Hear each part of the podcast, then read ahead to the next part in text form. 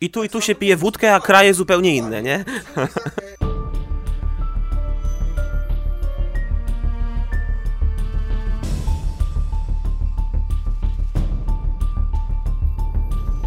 Dzień dobry moi drodzy, witam serdecznie na kanale Niepoprawny Dyplomata z powrotem w studio z redaktorem winiarskim. Nareszcie już się nie mogłem doczekać. Ale mamy także e, gościa z dalekiego wschodu. Naszym gościem jest korespondent Radia Wnet. Uwaga na Tajwanie, który właśnie nas tutaj w studio Niepoprawnych Dyplomatów odwiedził. Ryszard Zalski. Bardzo mi miło, dziękuję.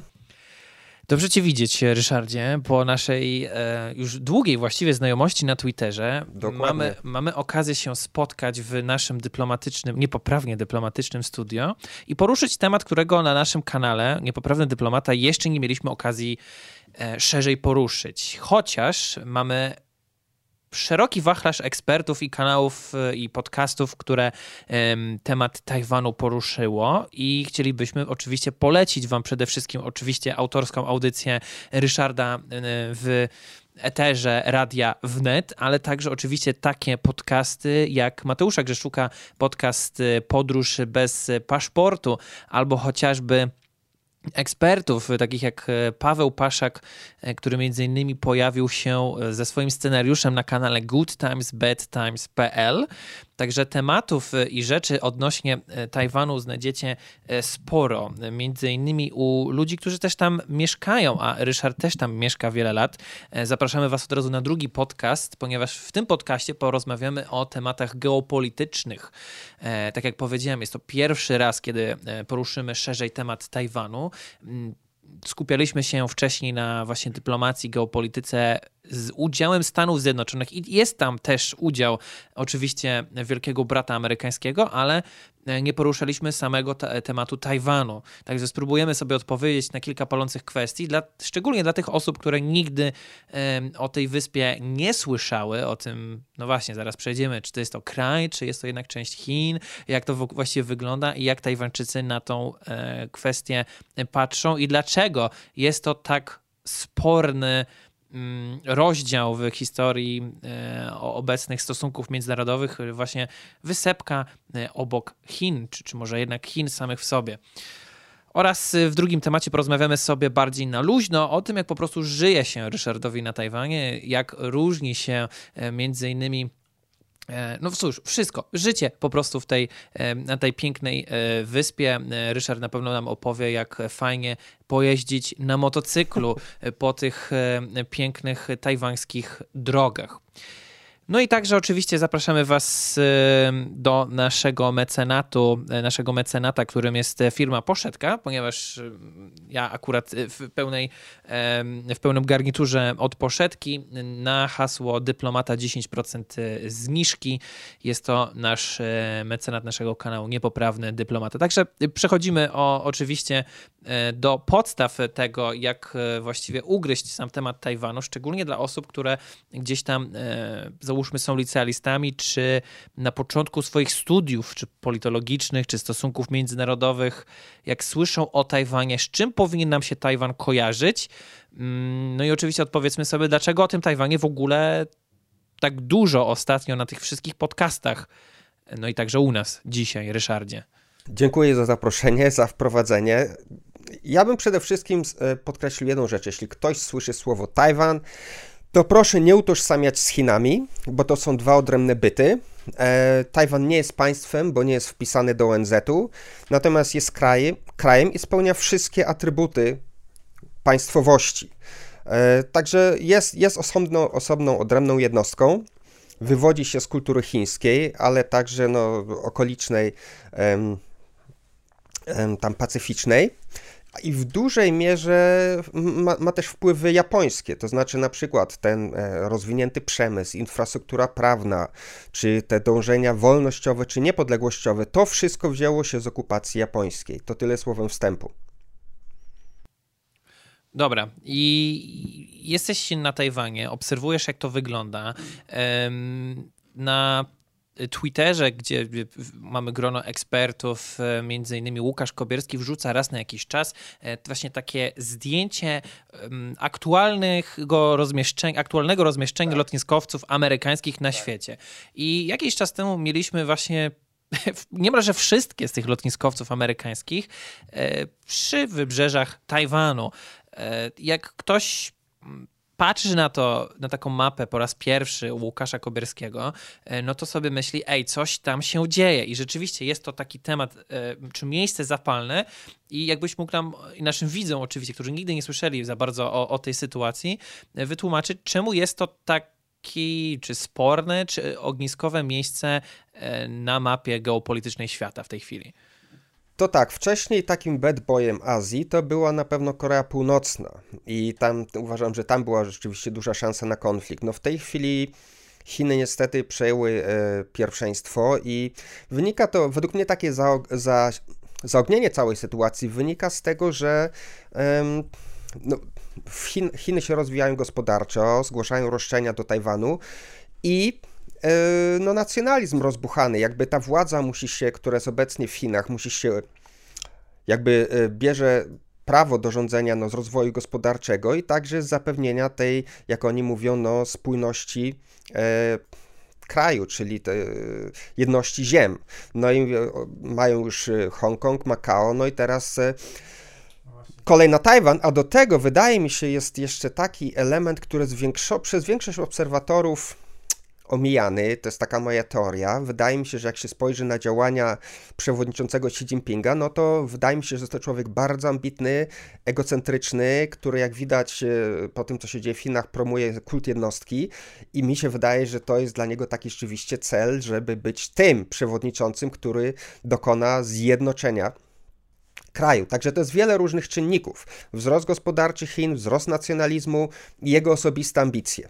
A do tego, przepraszam, jeszcze w tej chwili no, słaba administracja amerykańska, więc jak widzimy, kończy się to i, i powiedzmy, fol, znaczy rzucaniem rękawicy, wyzwaniem ze strony Rosji i Chin. Także no, to, to się bardzo, bardzo zaognia w tym roku. No właśnie, w przypadku Xi Jinpinga widać faktycznie, że ten kult jednostki, który on wprowadza, tak. jest y, daleko bardziej idący w kierunku totalitaryzmu niż nawet tak. za poprzednich jego tak. E, poprzedników, tak, tak, przywódców Chin, więc to faktycznie jest jakimś wyznacznikiem e, zagrożenia, które może rosnąć. Tak. Ale to, co powiedziałeś, Ryszardzie, o słabnącym przywództwie Stanów Zjednoczonych w kontekście tego, że Chiny są coraz bardziej rozpasane w rejonie e, Azji i coraz na więcej sobie pozwalają.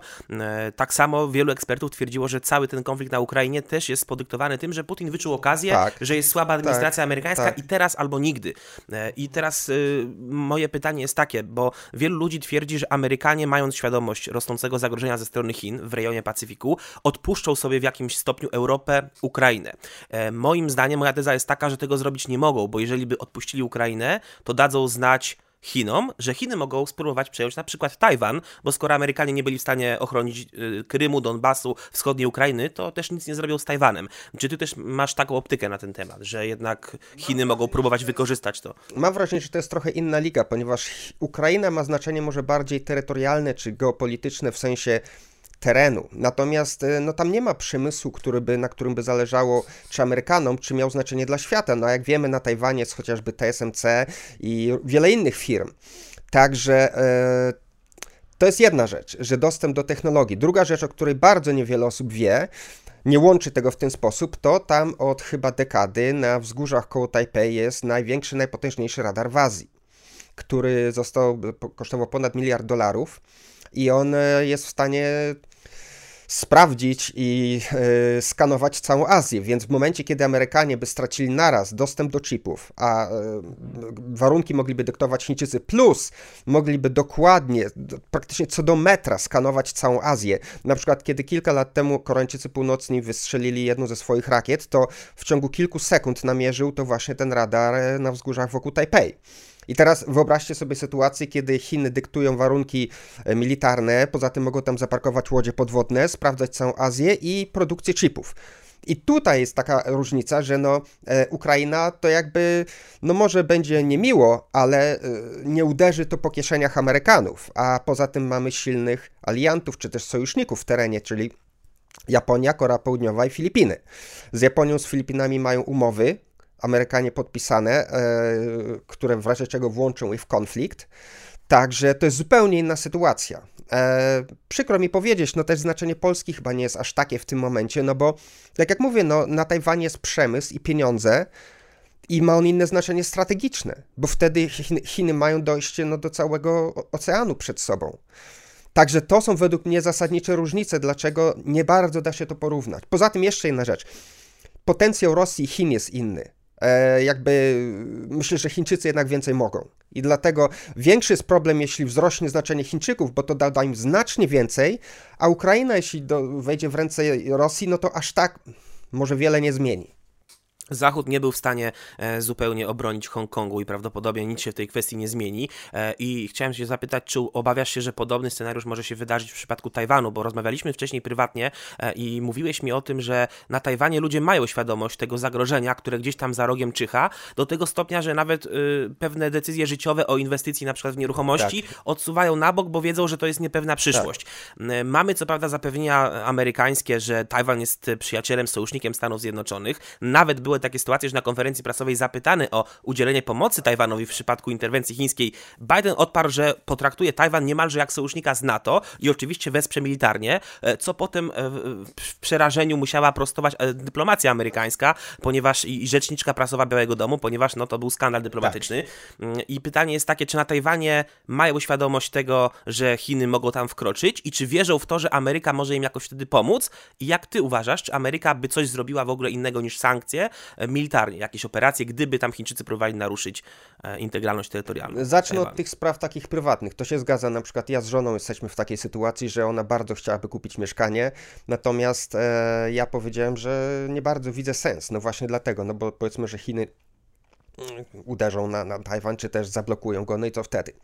E, nie wiem, wyjeżdżać, sprzedawać za, za a spodziewacie się na Tajwanie mniej więcej, kiedy to mogłoby nastąpić? Bo y, na podcaście Good Times, Bad Times na przykład, który y, miałem okazję sobie y, przygotowując się do naszego materiału po prostu przypomnieć, jak to wygląda, mówi się o tej dacie 2049. No to jest ta data, do kiedy ewentualnie trzeba by już zamknąć całe to, jak Chiny nazywają jednoczenie nie wiem, tak naprawdę nikt tego nie wie. Mi się wydaje, że w tej chwili w ogóle sytuacja Tajwanu jest znacznie silniejsza e, ze względu na COVID i ze względu na to, jak Tajwan jest teraz odbierany na świecie, ale wrócę do Twojego pytania. Tomek, mówiłeś o tym moment, mówiłeś o tym, na ile to jest realne i czy Stany by pomogły i mówiłeś tam o reakcji e, Biden. Biden, powiedział... kiedy mówił prosto z serca, to wyraził tak. chęć wsparcia militarnego Tajwanu, tak. ale potem, kiedy dyplomacja do tego usiadła amerykańska, to powiedział, nie, nie, to za, za daleko idąca tak, wypowiedź. Tak, on, on wtedy powiedział dokładnie, we have a commitment, a Joe Saki potem powiedział, że nie zmieniło się nic w polityce Tajwanu. No takie stwierdzenie jest dosyć silne, uważam, e, ma swoje znaczenie i to właśnie odzwierciedla sytuację Tajwanu, jak bardzo się zmieniła. Myślę, że w tej chwili nie tylko Stany Zjednoczone byłyby bardziej skłonne do e, interwencji, ale także Japonia, która już powiedziała w ogóle, że jest to w e, kręgu zainteresowań, zaczęły na wyspie, która jest chyba najbliższej wyspie wobec Tajwanu japońskiej, zaczęła, instalować rakiety. E, I, i, i, zainstalowała wojsko, także wiele się zmieniło. W ogóle cały, cały region się znacznie bardziej zbroi. Chociażby ostatnim przypadkiem sprzed dwóch tygodni jest Indonezja. I patrząc na to wszystko razem, to i Stany Zjednoczone mają więcej do stracenia, i Japonia jest coraz bardziej za, zaniepokojona. E, także jest sprzedawany coraz więcej broni Tajwanowi. On e, ma, będzie miał własny projekt e, łodzi podwodnych. Także to wszystko sugeruje, że poprzeczka dla Chin cały czas się podnosi, ile by ich to kosztowało. A jeśli do tego dodać ewentualne, nie wiem, tak jak widzieliśmy to pod koniec zeszłego roku, jakieś problemy gospodarcze w Chinach, Trudno powiedzieć. No właśnie, to bo je, to Chiny jest... to też jest kraj, który ma dług, zadłużenie rządowe. Ogromne. To nie jest tak wcale, że dokładnie. to Amerykanie i Zachód dokładnie. są zadłużeni, a Chińczycy dokładnie. mają świetną tak. gospodarkę. Też mają te problemy. Dokładnie. Dokładnie. Natomiast w nawiązaniu do Japonii i tego, że region tamten się zbroi, e, to mamy bardzo ciekawy news z ostatnich dni, że Japończycy zadeklarowali zmianę swojej polityki i chęć instalacji amerykańskich rakiet na tak. terytorium Japonii właśnie, co pewnie może mieć związek także no tak, z tą to się wszystko, to się wszystko łączy w jedną całość i, i w tym momencie no, e, sytuacja Chin uważam, że jest, będzie im coraz trudniej. Mało tego, ja nie wiem ile to jest wiarygodne, bo to są różne plotki, które się mogą sprawdzić lub nie, ale też jest ostatnio, w ostatnich tygodniach e, trochę czytałem, słyszałem, że w samych Chinach jest trochę silniejsza opozycja wobec przewodniczącego Xi, także e, no, jemu bardzo zależy na tej reelekcji, powiedzmy, na, na trzecią turę. Tak. Może do tego dojść lub nie, e, ale jest, na przykład wcześniej nie mówił nikt o tym, że jest jakiś sprzeciw wobec niego, ale pa pamiętamy, zeszły rok zakończył no, e, różnymi sankcjami wobec czy przemysłu, tego big tech, czy powiedzmy wobec oligarchów, miliarderów, e, gwiazd, rozrywki, więc, więc no, na pewno on ma mnóstwo wrogów. Tak więc biorąc to wszystko pod uwagę, no to raczej się szykuje nam ciekawy rok i myślę, że to będzie dla niego trudny okres. Nawet takie duperele, jakbym tu uwzględnił, jak to, że chyba ze dwa lata temu jego córka ponownie wyjechała do Stanów. No, nie wiemy dlaczego, ale mogła wyjechać A, bo jej się tam podoba, B, bo on uważa, że tam jej będzie bezpieczniej, czy C, coś tam, ale, ale to, no, to, to, że elity chińskie emigrują i, i, wysyłają pieniądze za granicę, no to, to świadczy o tym, że jak we wszystkich takich systemach nie czują się tam zbyt bezpiecznie. A czy podobnie nie jest z elitami e, tajwańskimi, które e, dość często, z tego co rozumiem, e, też emigrują czy kapitalizują mm, się na terenach Chin kontynentalnych niż tak. na Tajwanie. No bo okej, okay, jest jakiś tam przemysł wysokiej technologii, jest to wyspa, kraj bogaty, ale wiele ludzi rozumiem, że zastanawia się, a może tak jak z kupnem domu, nie zakładać firmy tam, tylko właśnie może mieć jakieś tam cały czas powiązanie e, z Tajwanem, ale jednak e, zakładać e, i inwestować na rynku chińskim, a nie na rynku tajwańskim, który jest jednak okrojony, jest mniejszy. 22 milionów ludzi mieszka w Tajwanie, a Chiny wydają się być rynkiem o wiele bardziej konkurencyjnym. Tak, z tym, że no tam on, on jest znacznie bardziej restrykcyjny, jest trudniejszy dostęp do rynku. E, ja myślałem, że twoje pytanie biegnie trochę w innym kierunku, to znaczy, że Tajwańczycy tak samo jak Chińczycy z innych względów, ale starają się właśnie mieć jedną nogę na Tajwanie, a drugą w Stanach. Czyli te wszystkie elity, okay. Kanada, USA, może Australia, też emigrują, też wolą mieć zabezpieczone właśnie z tego samego powodu.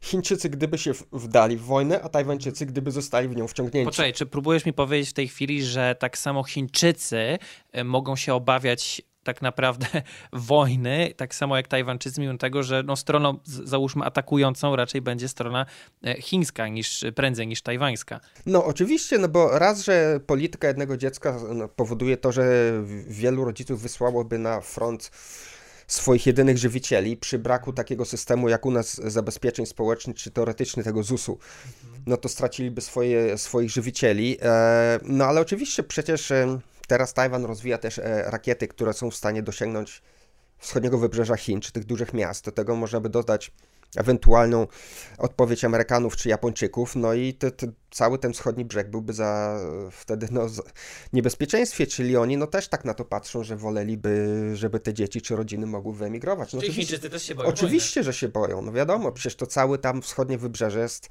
jest na linii ostrzału. Tyle tylko, że obawiam się, że chińskie władze komunistyczne nie będą się oglądały na nie, opinie i nie, obawy e, zwykłego Chińczyka w Chinach. Natomiast ja cię chciałem jeszcze spytać też o, o to, jak e, Tajwan jest postrzegany na arenie międzynarodowej i jak działa jego dyplomacja, bo rozmawialiśmy o tym z tobą wcześniej prywatnie, że Tajwan od e, kilku lat zmienił trochę, zliberalizował swoją politykę względem przyjmowania obcokrajowców, tak, gwarantowania tak. im prawa stałego pobytu po to, żeby przypodobać się powiedzmy otwarcie innym państwom cywilizacji tak. zachodniej, na przykład e, i to jest moim zdaniem słuszna polityka, e, zmierzająca może do tego, aby coraz więcej państw ten Tajwan mogło uznawać może e, za, za niezależne państwo. Mamy kilka państw, które Tajwan uznaje, na przykład Honduras. Stany Zjednoczone go nie uznają, mimo że mają z nim przyjacielskie relacje sojusznicze. Natomiast ostatnio Litwa jest tym krajem europejskim, która, który ogłosił, że otworzy ambasadę właściwie Tajwanu w swoim kraju. Czy myślisz, że coś tutaj się może zmienić, że będzie za Litwą kolejnych kilka państw, które tak, bo na, bo na razie tych ambasad nie ma, są tylko przedstawicielstwa tak, gospodarcze. Tak, tak. To ja może zacznę od takiego mitu, przekłamania, które często funkcjonuje, że Stany Zjednoczone nie uznają Tajwanu. Otóż oficjalnie nie mają stosunków dyplomatycznych, ale wiele państw w tych e, swoich umowach, które, e, w którym nawiązywały stosunki dyplomatyczne z Chinami, stwierdziło jednak jak Amerykanie, że acknowledge sta stanowisko Chin. To nie do końca znaczy, że je uznaje. Na przykład e, rządy Japonii i Kanady stwierdziły take note of, czyli to nie do końca jest takie uznanie. Oni uznają stanowisko Chin, ale nie do końca się z nim zgadzają. E, po czym to widzimy? Chociażby po tym, że przecież Stany Zjednoczone czy inne kraje, które tam kilka razy sprzedały broń Tajwanowi, nie sprzedają tej broni innym prowincjom Chin. Natomiast sprzedają Tajwanowi. Dlaczego? Bo nie uważają go za część Chin. I ta cała sprzedaż broni jest jakby dlatego, no bo w praktyce życia dyplomatycznego nie jest on uznawany za część Chin. Tak samo Hillary Clinton, kiedy odchodziła ze swojego urzędu, ona dała Tajwańczykom ten dostęp trzymiesięczny, yy, nie muszą występować o wizę. Dlaczego? Właśnie z tego, co słyszałem na jednej konferencji, tam między wierszami ktoś opowiadał z, z Waszyngtonu, że była wściekła na pozycję e, partii chińskiej, jak ją traktowano, i między innymi się zemściła w ten sposób, że chciała pokazać, no widzicie, Tajwan to nie jest część Chin i dlatego Tajwańczycy nie muszą występować o wizę na trzy miesiące, a Chińczycy muszą. I mnóstwo jest takich detali, takich różnic i to wszystko świadczy o tym, że w praktyce Tajwan nie jest częścią Chin, nawet jeśli gdzieś tam w dokumentach to jest zapisane, to na co dzień tak nie jest. To bardzo ciekawe zagranie, ponieważ y, podobnie ostatni dzień swojego urzędowania także e, szef Departamentu Stanu, tylko e, nie Hillary Clinton u Obamy, a e, był to Pompeo u Trumpa, też, tak, też, też tak. na ostatnie do widzenia, ostatni dzień. Nie pamiętam, co dokładnie on, wtedy on zrobił. On pozwolił, na, udostępnił im budynki rządowe, to znaczy, że mogą się spotykać tajwańscy dyplomaci, czy też przedstawiciele, mogą oficjalnie spotykać się chyba w budynkach rządowych E, administracji amerykańskiej. Także to też właśnie wyróżniło ich, a mało tego, administracja Trumpa zrobiła dokładnie na odwrót, czyli e, udaremniła chińskim dyplomatom na kontakty. To znaczy, oni muszą teraz za każdym razem powiedzieć, gdzie i z kim się spotykają, bo przedtem była wolna Amerykanka. Amerykanie w Pekinie musieli się spowiadać i wpisywać, a, a chińscy dyplomaci w Waszyngtonie nie. I teraz jest jakby równouprawnienie. No to jest to, na co uwagę zwracał Trump, że tak. Ameryka nie jest traktowana sprawiedliwie w tych relacjach dokładnie, gospodarczych dokładnie. i dyplomatycznych I Chińczycy cały czas sobie pozwalają i dopiero, dopiero administracja Trumpa zaczęła to wszystko odrobinkę ukracać. Mam tu pewną ciekawostkę E, a propos nierównego traktowania dyplomacji e, wobec siebie.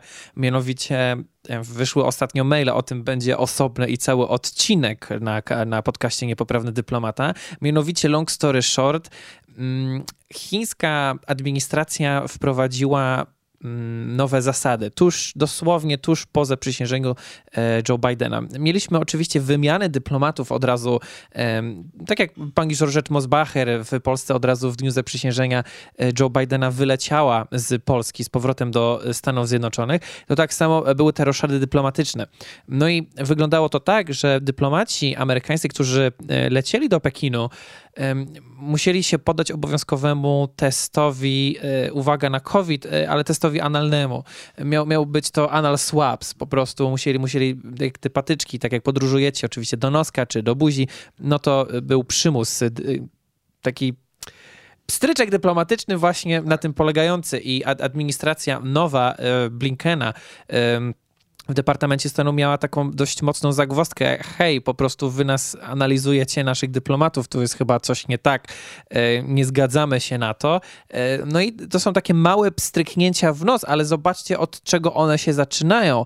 No to jest to upokorzenie dla dyplomatów, e, a tym bardziej jeżeli wy panowie mówicie, że rzeczywiście były sytuacje, że każdy dyplomata musiał się spowiadać przed rządem chińskim, z kim i gdzie będzie się spotykał na kawę. Także jak widzicie, te gry dyplomatyczne e, po, po, są od niuanse, takich najmniejszych niuansów, niuansiki do takich właśnie większych rzeczy. Także ja dodam jeszcze słusznie. jeden, bo tutaj o, oczywiście masz w pełni rację. Kiedy Obama był na spotkaniu G20 w Pekinie, Wszyscy przywódcy państw normalnie wyszli sobie z samolotu, przystawiono im schody i, e, i mogli opuścić samolot. Jedynie Obama Jemu Chińczycy powiedzieli, że te schody nie działają i że ma wyjść z boku czy tam z tyłu. No i Obama, no jakby to świadczy o samej jego osobowości. No, nie, nie wyobrażam sobie, żeby ktoś to Trumpowi zaproponował, no ale Obamy nie szanowano. I taka była jego pozycja, tak postrzegali Chińczycy, że musiał wyjść z boku. No, tak jak na Dzikim Zachodzie, niestety nie wiem, czarny musiał wyjść z tyłu. No sorry, ale takie tak to było odczytane i tak to wygląda. Wielki afront dyplomatyczny. No straszny, przecież i on, i on sobie na to pozwolił, zamiast odlecieć do, do Stanów z powrotem i, i w ten sposób są Stany traktowane przez Chiny. Mało tego, em, kiedy, kiedy przewodniczący Xi był trochę wcześniej, e, rok wcześniej e, w Białym Domu i w ogrodzie e, rozmawiał z dziennikarzami, ktoś się go tam spytał, czy będzie fortyfikował i uzbrajał te atole i wyspy na Morzu Południowochińskim, więc on oficjalnie powiedział, że nie, po czym wrócił do Pekinu i natychmiast zaczął je uzbrajać. I co zrobił Obama? Zupełnie nic. I w tej chwili mamy tam i pasy startowe dla bombowców, i, i wyrzutnie rakietowe, i to było wszystko za Obamy. I to wszystko się łączy razem właśnie w, jedną, w jeden ciąg. No te, to, o czym mówiłeś ty, to obrażanie go z tym samolotem, nie, po prostu nie traktują ich na poziomie. I tą kontynuacją było oczywiście spotkanie na Alasce, w Anchorage, tak. gdzie, gdzie szef dyplomacji chińskiej, no zbeształ po prostu dyplomatów amerykańskich. Na ich własnym dokładnie, terenie, dokładnie, co było podwójnym afrontem i tak. To... Ewidentnie sobie Zachód nie radzi w tej konfrontacji, są za słabi. To jest tak jakby, nie wiem, harcerze e, byli skonfrontowani z jednostką grom. To są w ogóle inne pułapy.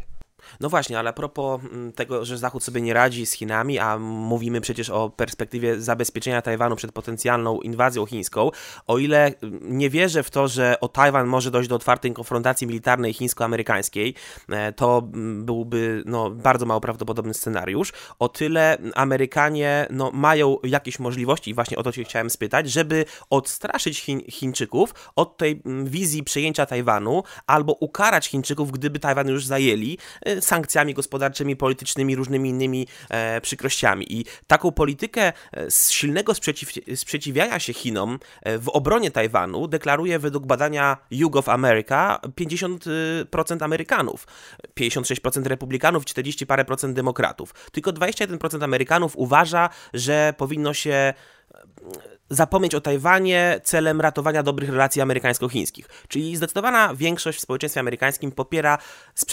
sprzeciwstawiania się Chinom i uderzanie w nie w taki sposób gospodarczo-polityczny, żeby ten Tajwan jednak możliwe maksymalnie chronić. Jakie Twoim zdaniem są możliwości w rękach Stanów Zjednoczonych, aby inaczej niż militarnie zniechęcać Chiny do y, uderzenia na Tajwan, czy dominacji na Tajwanie, jakkolwiek inaczej? To, to, o czym mówisz, to jest w ogóle tendencja światowa, bo na świecie wizerunek Chin jest coraz gorszy, są coraz gorzej postrzegane, mniej wiarygodnie i, i wzrasta jakby dążenie dążenie do tego, żeby raczej przywódcą był, jeśli jest taka możliwość wyboru, żeby były to Stany Zjednoczone. E, zresztą na Tajwanie też e, opinia publiczna znacznie bardziej opowiada się za tym, że jak są ludzie pytani, że broniliby Tajwanu niż kiedyś. Teraz wzrosło, wzrosło ten, wzrósł ten odsetek znacznie bardziej. Natomiast, żeby wrócić do Twojego pytania, jak, jak, mogli, jak mogliby bronić, no. Mm, to trudno wszystko powiedzieć, ale wydaje mi się, że to, co zrobił Trump, czyli te, e, te no, taryfy, prawda? E, cła, tak. Cła, e, tak samo e, no, uwalenie Huawei, który no, bardzo stracił na, na rynku zagranicznym. Wydaje mi się, że to są wszystko właściwe, to jest, to jest właściwa droga, tak samo jak, jak to wtedy aresztowanie córki właściciela Huawei, mhm.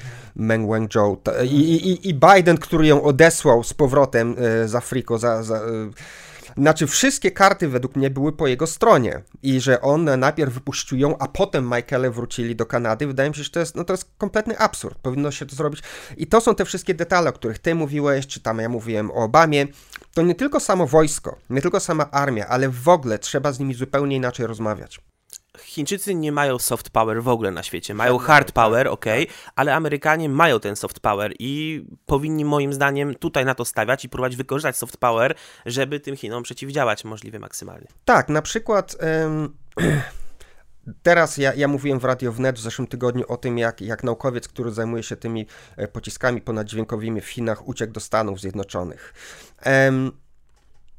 tego typu rzeczy. Na przykład, nie wiem, no wydaje mi się, że rząd Stanów Zjednoczonych mógłby na przykład, czy ktoś powiedzieć mniej, mniej oficjalnie, że na przykład dają nagrodę za, za udowodnienie, nie wiem, skąd pochodzi wirus z Wuhan, powiedzmy, tak jak wcześniej ucias, u, uciekła ta, ta słynna e, wykładowczyni, e, to, do, no dokładnie, e, to tak samo, tak samo tu mogliby mówić, no nie tylko właśnie budować łodzie podwodnej statki, ale właśnie E, starać się przyjmować tych różnych naukowców, skłaniać ich do opuszczenia e, Chin, na przykład, nie wiem, no, E... To brzmi jak e, taktyki zimnowojenne. Tak, tylko dokładnie. I, coś, czego Amerykanie nie i stosują. użyć trochę dawna. tego swojego soft power, Gdzie cokolwiek CIA, odrobinkę im zostało, jeszcze tego troszkę użyć, czy bardziej to uwypuklać. E, że, że, jednak Chińczycy przenoszą swoje majątki na zachód, że nie wiem, gdzieś tam naukowcy uciekają, albo na przykład taka rzecz, która w ogóle jest poza radarem większości państw zachodu, to jak Chińczycy sobie pozwalają ten program sprowadzania ich różnych uciekinierów, czy to, że dzwonią gdzieś tam z komendy policji, co widzieliśmy w internecie i grożą, że rodzice siedzą za, z tyłu za policjantem, a on na przykład tłumaczy studentowi chińskiemu za granicą, że, że ma przestać coś tam puszczać. I w ogóle się z tym nie kryją. I tego typu rzeczy, kiedy całe środowiska są atakowane, nie wiem, w Australii, w Stanach Zjednoczonych, to powinno się ukracać. No nie wiem, ja sobie nie wyobrażam, żeby nie wezwać ambasadora chińskiego, jakiś taki kraj zachodu i powiedzieć, posłuchaj, no to jest ostatni raz. Następnym razem persona non grata i koniec. Albo nie wiem, jakoś inaczej. Ale Chiny w takich rzeczach są bezwzględne, każą się przepraszać, są sankcje, e, są napuszczane w internecie trole, a Zachód w ogóle tego nie robi. No niby dlaczego? E, na przykład wyrzucić te wszystkie trole e, z Twittera, z, nie wiem, z Facebooka, z YouTube'a, no przecież to są, to są wszystko y, rzeczy, które można bez problemu i bez kosztów zrobić i osłabić wpływ. E, Chin na zachodnie media, na zachodnią opinię publiczną. To ja w takim razie chciałbym się ciebie zapytać, znaczy e, jeden, podkreślić fakt tego, jak e, mi się wydaje, że Zachód podchodzi do kwestii dyplomacji.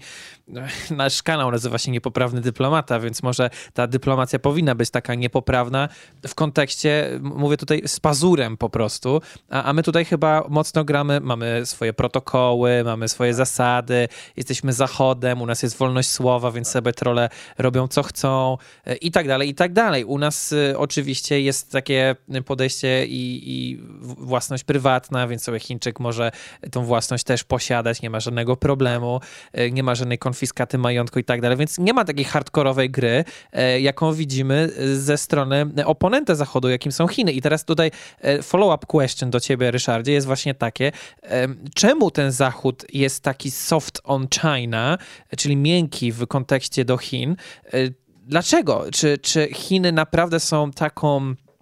E, trzymają ten Zachód w szachu, bo są biznesy, bo, bo, bo Chiny to gospodarka. Sama dyplomacja Polski mocno się teraz, e, no może nie odwróciła e, na 100% od Zachodu czy Ameryki, ale mówi się, Polska, Polska postawiła teraz w pewnym sensie na Chiny. Andrzej Duda jest jedynym z Unii Europejskiej głową państwa, która poleci do Pekinu i będzie na otwarciu igrzysk. Miejmy nadzieję, że polscy dyplomaci wraz z prezydentem nie będą zmuszeni do anal swaps, tak jak dyplomaci e, amerykańscy, co byłoby totalnym upokorzeniem, ale zakładam, że tak nie będzie. Mm, no i czy w takim razie Chiny naprawdę tak trzymają kraje i Zachód, e, kraje europejskie, kraje Zachodu w szachu, że po prostu, a dobra, nie będziemy tak cisnąć Chin, bo nam się to nie opłaca. Czy rzeczywiście nam, nam się to nie opłaca cywilizacyjnie, że, że jest ta gra pod Chiny? Nie opłaca się, mm, bo na przykład czasami widzę w mediach pytanie, dlaczego Polacy mieliby się zajmować Tajwanem? Otóż na, no dlatego na przykład ograniczać wpływy Chin, bo potem są nas na przykład instalowane Huawei 5G, które wiadomo, no, że mają różne wrota z tyłu gdzieś tam dostępu i, i, i czy na przykład ta sprawa, którą Bloomberg kilka lat temu opisał, chipów z dostępem też, e, gdzie można powiedzmy jakoś, e, gdzie władze chińskie mogą mieć dostęp do tych chipów montowanych e, czy w, w uzbrojeniu zachodnim czy amerykańskim. I to, to ma potem wpływ na nasze życie, bo, bo władze chińskie, to nawet szef FBI mówił chyba wczoraj, że kradną w nieprawdopodobny sposób dane, wszystko, czy to DNA, czy dane biznesowe, czy zdrowotne, wszystko jest ściągane do Chin, żeby mieć profil praktycznie każdej osoby, jej przyzwyczajenia, wiadomości o niej, żeby wspomóc powiedzmy chińskie, chińską sztuczną inteligencję, żeby miała więcej danych. I to są wszystko rzeczy, które nas osobiście dotyczą, bo Chiny cały czas rozbudowują swoje wpływy, wpływy i władzę i ściągając te dane, podsłuchując, na przykład proszę sobie wyobrazić, że mielibyśmy 5G w Polsce firmy Huawei i na przykład jest do podjęcia jakaś decyzja, powiedzmy wyjazdu na olimpiadę. No i ambasador Chin się na przykład, dajmy na to, po cichu spotyka i mówi, no chłopaki, jak nie wyjedziecie do nas do Pekinu, no to my wam odetniemy, nie wiem, czy telefonie, czy coś. No i to są właśnie rzeczy, gdzie to ma wpływ bezpośrednio na nasze życie. Albo na przykład ta sytuacja, kiedy Polacy testowali swoje DNA i było wysyłane do firmy w Chinach. No niestety to jest, to jest trochę, co się mówi w Stanach, racial profiling, ale niestety no firmy, które są chińskie, no wszystkie są zobowiązane tam do służby państwu i te dane, które każdego rodzaju dane wyprowadzane tam, są dostępne dla władz. I musimy sobie z tego zdawać sprawę. A tutaj wracając do Twojego pytania, no niestety mamy influencerów też w Polsce, różnych ekspertów, którzy Niestety, media tego nie podejmują. Po cichu konsultują spółki, czy wyjeżdżają na konferencje, czy mają tam jakieś różne układy. I to są ludzie, ja mam wrażenie, że ich wpływ troszkę maleje, że właśnie te ostatnie dwa lata COVID-u i wzrostu znaczenia Tajwanu troszkę im podcięły skrzydła. Ale nadal tych ludzi jest mnóstwo. Spróbuję tutaj e, być poniekąd adwokatem diabła, bo oczywiście ktoś może powiedzieć, no okej, okay, bo z tego co mi wiadomo, ponad 60% całej infrastruktury telekomunikacyjnej, w sensie wieże, anteny i tak dalej, rzeczywiście było budowane przez firmę Huawei e, czy, czy innych podwykonawców chińskich. Także wymiana takiej infrastruktury byłaby ogromnie e, droga, na przykład na amerykańską czy, czy jakąś inną europejską, co oczywiście mogłoby się przełożyć na rachunki, na, na, na, rachunki, bo jakoś firmy musiałyby sobie telekomunikacyjne to w jakiś sposób e, odbić, więc e, ktoś mógłby powiedzieć, no dobra, ale to będzie drogie, a jaką mamy pewność, że na przykład Zachód na Zachodzie nie będzie e, szpiegowany? Bo, bo wiemy, że NSA no amerykański tak, gdzieś tam szpiegował się. chyba nawet na tak. kanclerz Merkel, tak, gdy tak, była no kanclerzem. No tak, ale te sprawy uważam na Zachodzie są jednak troszkę bardziej przejrzyste i pod kontrolą. Poza tym no można powiedzieć tak, mocarstwo takie jak Stany Zjednoczone rzeczywiście podsłuchuje, no ale już nie wiem, gdyby ta infrastruktura była z Ericssona czy z Nokii, no e, zauważcie jedną rzecz, że e, w, jakby w 4G, w 5G trochę wpisane są wartości kraju, e, systemu, z którego pochodzą, bo zobaczcie na sytuację, kiedy... Brytyjczycy chyba się postawili Chinom i, i, i Tak, kilka krajów się postawiło, bo za Trumpa on to wymógł na Wielkiej Brytanii, natomiast jak, jak na przykład telefon e, e, Apple był wmieszany w jakąś tam sprawę kryminalną, to FBI nie mogło się do niego dostać. I tu, w tym, to był system 4G, który był rozwinięty I na telefony Apple chyba teraz informują o Pegasusie i Tak, i do tego zmierzam, że jednak te zachodnie systemy informatyczne gdzieś tam jakąś ochronę prywatności dają i nie, nie jest tak, że państwo ma do nich automatyczny dostęp. Można oczywiście długo mówić, że Pegasus, że NSA, że program Echelon i tak dalej, ale jednak jest to wszystko jakoś tam kontrolowalne i mamy te niezależne media mniej lub bardziej. A w Chinach z góry wiadomo, że to wszystko jest e, w gestii państwa. Także jest, wydaje mi się, pewna różnica. I nie jest to to samo. I tak jak mówię, Chiny są znane z tego, że jak cokolwiek im nie pasuje, to władze natychmiast e, represje gospodarcze, finansowe i wiadomo z góry, że one będą takiego narzędzia używać. To po co się w to ładować? Tak, no inwigilacja e, między Dokładnie. państwami jest faktem, e, ale myślę, że z dwojga złego już lepiej z perspektywy naszego bezpieczeństwa w Polsce, żeby nas już podsłuchiwali sojusznicy, niż ry rywal w postaci Chin.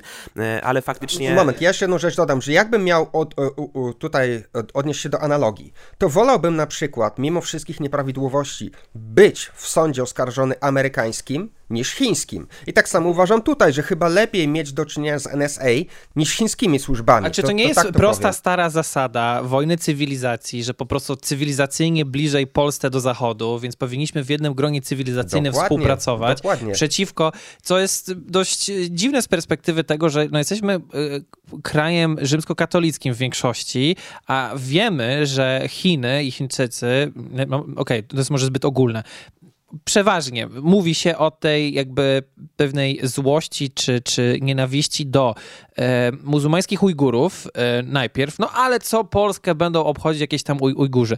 No dobra, ale to tak samo może być najpierw z Ujgurami, a potem z katolikami. Dokładnie. Chińczycy chyba nie są jakoś przychylnie są nastawieni. katolików w Chinach też na szeroką dokładnie, skalę. Dokładnie. dokładnie. Polsce to nie przeszkadza e, w budowaniu nowej dwuosiowej dyplomacji, czy wieloosiowej dyplomacji. No po prostu chodzi mi o to, czy, czy, czy nadal te stare zasady z przełomu lat 90. i 2000 XXI wieku, tak, mają jakieś e, podejście, tak, cywilizacyjnie. Czy, czy, czy, już nikt na to nie patrzy, także... No to ja powiem w ten sposób, że można by powiedzieć teraz, że Tajwańczycy czy Hongkończycy to, to są gdzieś tam z kultury chińskiej. No tak, ale każdy z tych krajów, Singapur, e, Tajwan, no powiedzmy jako jednostka odrębna Hongkong, jeśli miał styczność z kulturą Zachodu, państwem prawa, jakąś transparentnością rynków finansowych, Demokracja. no to bronią tego. W Singapurze na pewno nie oddadzą się Chińczykom, w Hongkongu się bronili jak mogą, a Tajwańczycy też się zbroją. Innymi słowy, no mamy, mamy kraje, mamy jakieś jednostki, które mogłyby żyć w tym cudzie gospodarczym chińskim czy China Dream, a jakoś nikt nie chce. I dlatego tak, tu masz rację, nam jest bliżej, bo te kultury chińskie, które miały styczność z kulturą Zachodu, jak najbardziej żyją w symbiozie i mają powiedzmy swoją kulturę chińską, konfucjańską, jako, jakąkolwiek, czy wiarę buddyjską, i jednocześnie korzystają z transparentności Zachodu. Słynne Chinatown i mniejszości azjatyckie Dokładnie. w Stanach Zjednoczonych. Także to się jedno z drugim nie wyklucza, jak najbardziej. I, I, to powinno być dla nas przykładem. Tu mamy bliższą wspólnotę właśnie z tymi zokcydentalizowanymi Chińczykami, niż właśnie z Komunistyczną Partią Chin, która jest tak naprawdę mafią czy można zaryzykować takie stwierdzenie mm, dla osób, które może e, dużej wiedzy o Tajwanie nie mają i nie rozumieją, czym się różni Tajwan od Chin, że Tajwan to są takie Chiny że tak by wyglądały Chiny jak Tajwan, gdyby były kapitalistyczne. Że jednak podobieństwa kulturowe pomiędzy Tajwanem a Chinami są olbrzymie. Tak. Chociażby kultura, mm, jedzenie, tego typu rzeczy, ale już polityczno-gospodarcze to dwa różne zupełnie światy, mimo że tak blisko Dokładnie, siebie leżą. Dokładnie, to, jest, to jest bardzo dobry przykład, bo proszę, wyobraźcie sobie na przykład, że mielibyśmy taki, nie wiem, powiedzmy zachodni Tajwan, jak to w memach jest przedstawiane, czyli całe Chiny takie jak Tajwan, czyli gospodarka e, bardziej zachodnia, demokraty, demokratyczne. To jest trochę tak jak, no my Rosjanie jesteśmy Słowianami, nie? No a jaki mamy ustrój w Rosji, a jaki w Polsce. Niby to samo, jednak inaczej. I tu, tak i tu samo się pije Niemcy, wódkę, a kraje zupełnie dokładnie. inne, nie? Wschód i, zach e, wschód i zachód Niemiec, prawda? To samo, no niby ten sam naród. Także no oczywiście wolelibyśmy, żeby w Chinach było tak, jak jest na Tajwanie, a nie na odwrót. I tak, i tak dokładnie tego się trzeba trzymać. Rozmawialiśmy wcześniej o tym, dlaczego wiele państw Zachodu jest takich miękkich wobec Chin, soft on China e, i ja stawiam taką tezę, że to właśnie przez te powiązania gospodarcze i obawę o interesy ekonomiczne tych państw. Natomiast przez bardzo długi okres czasu, nawet taka światowa superpotęga jak Stany Zjednoczone pozwoliła się tak uzależnić od Chin w kluczowych segmentach swojej gospodarki, że nawet produkcja leków e, antybiotyków czy substancji potrzebnych do produkcji najbardziej kluczowych leków w Ameryce w zdecydowanej większości pochodziła z Chin. Czyli w razie jakiejkolwiek konfrontacji militarnej amerykańsko-chińskiej, Chińczycy byli, byli, w stanie wyłączyć Ameryce dostawy leków i Amerykanie by byli bez antybiotyków. Żadnej wojny się nie wygra bez dostaw leków.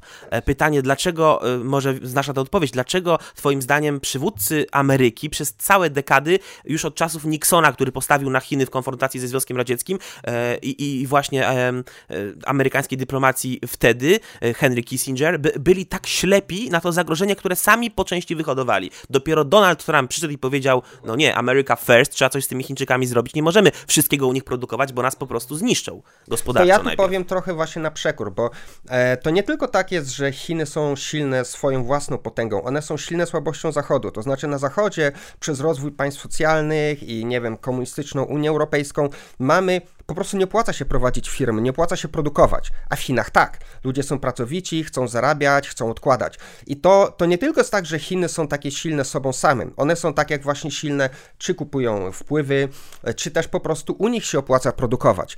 Także to trochę jest tak, że Zachód sam sobie trochę, sam sobie trochę zawinił, no bo przecież kiedyś to wszystko, co jest w Chinach, produkowano na Zachodzie. Fabryki były w Stanach, e, fabryki były w Unii Europejskiej, czy też kiedyś w wspólnocie no to, to nie jest tak, że Chińczycy nam zabrali. Po prostu u nas się nie opłaca produkować, więc to też można mieć pretensje do naszych własnych polityków. Przecież to wszystko mieliśmy kiedyś u siebie, te fabryki, tą produkcję. Nie wiem, przed wojną czy zaraz po wojnie. To wszystko zostało wytransportowane do Chin, bo po prostu u nas się nie opłaca. Bo żyjemy w krajach, w warunkach, gdzie mamy rozbuchane systemy socjalne, gdzie mamy nie do utrzymania, dajmy na to w Polsce ZUS, i to wszystko się razem jedno na drugie nakłada a Chiny po prostu tłuką na tym pieniądze, mają siebie produkcję. Także y, jedynym sposobem jest po prostu przenoszenie, tak jak chciał Trump, z powrotem miejsc pracy na zachód. No dla mnie, nie wiem, no jak gdybym powiedzmy w tej chwili miał jakiś wpływ na władzę, to powiedzmy z dnia na dzień bym, nie wiem, zlikwidował ZUS, Sanepid i tak dalej i zrobił tak, żeby było tak jak bardziej jak w Azji, wolnorynkowo, żeby się to państwo aż tak nie czepiało. I to powiedzmy przełożone na na nie wiem, na ileś razy 10 w, w różnych innych dziedzinach, no to wiadomo, że ta produkcja sama by do nas wróciła, bo każdy wolałby produkować tu na miejscu niż przywozić z Chin. Jest to absurd. Więc to trochę jest też do naszych polityków i nas samych, jak głosujemy, a nie to jest wszystko wina Chin. Jest, ale nie do końca. Właśnie, a w tej kwestii rywalizacji gospodarczej, na ile można e, operować wojną e, C w postaci nakładania ceł? No bo Trump zwraca uwagę na to, że na przykład na przykładzie samochodów, amerykańskie samochody, Fordy, Chryslery, które jechały na e, eksport do Chin, były obłożone przez Chiny ponad 20% e, podatkiem celnym, a, chińskie samochody w Stanach miały chyba 4%. I Trump mówi, że brak jest tu po prostu równowagi w tej kwestii. I tak samo jest z innymi też produktami. Nie? Czy może tutaj jest jednak klucz, tak, że mi się może wydaje, że Trump genialnie, genialnie rozegrał jedną rzecz. Mianowicie wszyscy mówili o tym deficycie handlowym. A on był pierwszym, który stwierdził, że w takim razie Chiny więcej stracą. No bo jeśli one eksportują do nas więcej, to znaczy, że one na tych cłach więcej stracą. A skoro my eksportujemy mniej, i on to odwrócił. I okazało się że nagle, że Chiny straciły na tym, na tym no, niby swoim sukcesie, że jest to jakby yy, kula u ich nogi. I dokładnie, no tak to trzeba na to patrzeć. Trzeba patrzeć, gdzie można, gdzie można się odegrać, jak można to rozegrać i no po prostu trzeba też zmienić władzę u nas. Tak, taka jest prawda, że trzeba zacząć od siebie i kiedy my będziemy mniej socjalu mieli i więcej warunków wolnorynkowych, to automatycznie firmy same wrócą, nie będzie trzeba nikogo prosić. A najlepszym dowodem na to, że polityka i to, co mówisz, y, jest słuszne i polityka Trumpa wobec Chin była słuszna, jest to, że, Donald, że jego polityka Trumpa jest teraz kontynuowana w pewnym sensie Zgadza przez Joe się. Bidena, tak, bo on żadnych tak. ceł na Chiny tak. nałożonych przez Trumpa nie anulował. E, co więcej, nawet y, zapożyczył retorykę Trumpa, bo mówił, tak. że nie ma żadnego powodu, żeby turbiny do wiatraków e, produkujących zieloną energię z wiatru były produkowane w Chinach zamiast w Pensylwanii. Tylko tu pytanie, retoryka retoryką, ale czy Biden właśnie, tak jak powiedziałeś, rozbudowuje amerykańskie państwo państwo socjalne. Tak, Build Back Better tak. Act, najlepszy przykład wielkiej socjalistycznej ustawy i jedno mówi, ale w, w praktyce no, nie umożliwia amerykańskim przedsiębiorcom e, łatwiejszego działania no na nie, rynku niestety. i konkurencji z Chinami czy z Meksykiem. I prawda? tu wracam do tego, co mówiłem. No mamy przecież cały czas widzimy w mediach społecznościowych e, filmiki ze Stanów, gdzie można ze sklepu wynieść do 900 dolarów. Teraz mieliśmy w ostatnich tygodniach te przecież dostawy Amazon skradzione z pociągów i tak dalej. No to jest po prostu państwo trzeciego świata, tak więc i, i to jest też właśnie sła, siła Chin, słabość Zachodu. I tak jak mówię, jeśli my się weźmiemy do kupy i to wszystko jakoś tam będzie taki, nie wiem, jeden, drugi, trzeci Trump, mogą się ludzie z niego śmiać, ale wiele danych przemawiało na jego korzyść i uważam, że fantastyczne jest to, co właśnie pierwszy postawił się Chinom. Teraz prowadzi to Biden i myślę, mam nadzieję, że następny prezydent, a mam nadzieję, że może to być Trump, że będzie to kontynuował. Tutaj stawiamy, moi drodzy, kropkę. Naszym gościem był e, Ryszard Zalski, e, komentator e, i oczywiście obserwator świata politycznego chińsko-tajwańskiego, korespondent Radia Wnet na Tajwanie. Oczywiście współprowadzący redaktor Tomasz Winierski i nazywam się Mikołaj Wąski-Teperek i teraz y, od razu zaprosimy Was na drugą część podcastu z Ryszardem, gdzie porozmawiamy sobie trochę na luźniejsze tematy o tym, jak po prostu życie na tym Tajwanie wygląda, bo to, że widmo wojny jest, to już wszyscy wiemy. Mam nadzieję, że przybliżyliśmy ten temat trochę i Wam. Jeżeli macie jakieś pytania, to oczywiście na dole w opisie tego podcastu i tego filmu znajdziecie Twitter Ryszarda, no i oczywiście zapraszamy także na jego audycję w eterze Radia Wnet. Jak macie jakieś pytania, to oczywiście piszcie, komentujcie, obserwujcie i my widzimy się z wami i słyszymy niebawem w kolejnych podcastach na kanale Niepoprawny Dyplomata. Dziękuję panowie, trzymajcie się, do zobaczenia, cześć. Dziękuję. Cześć, cześć.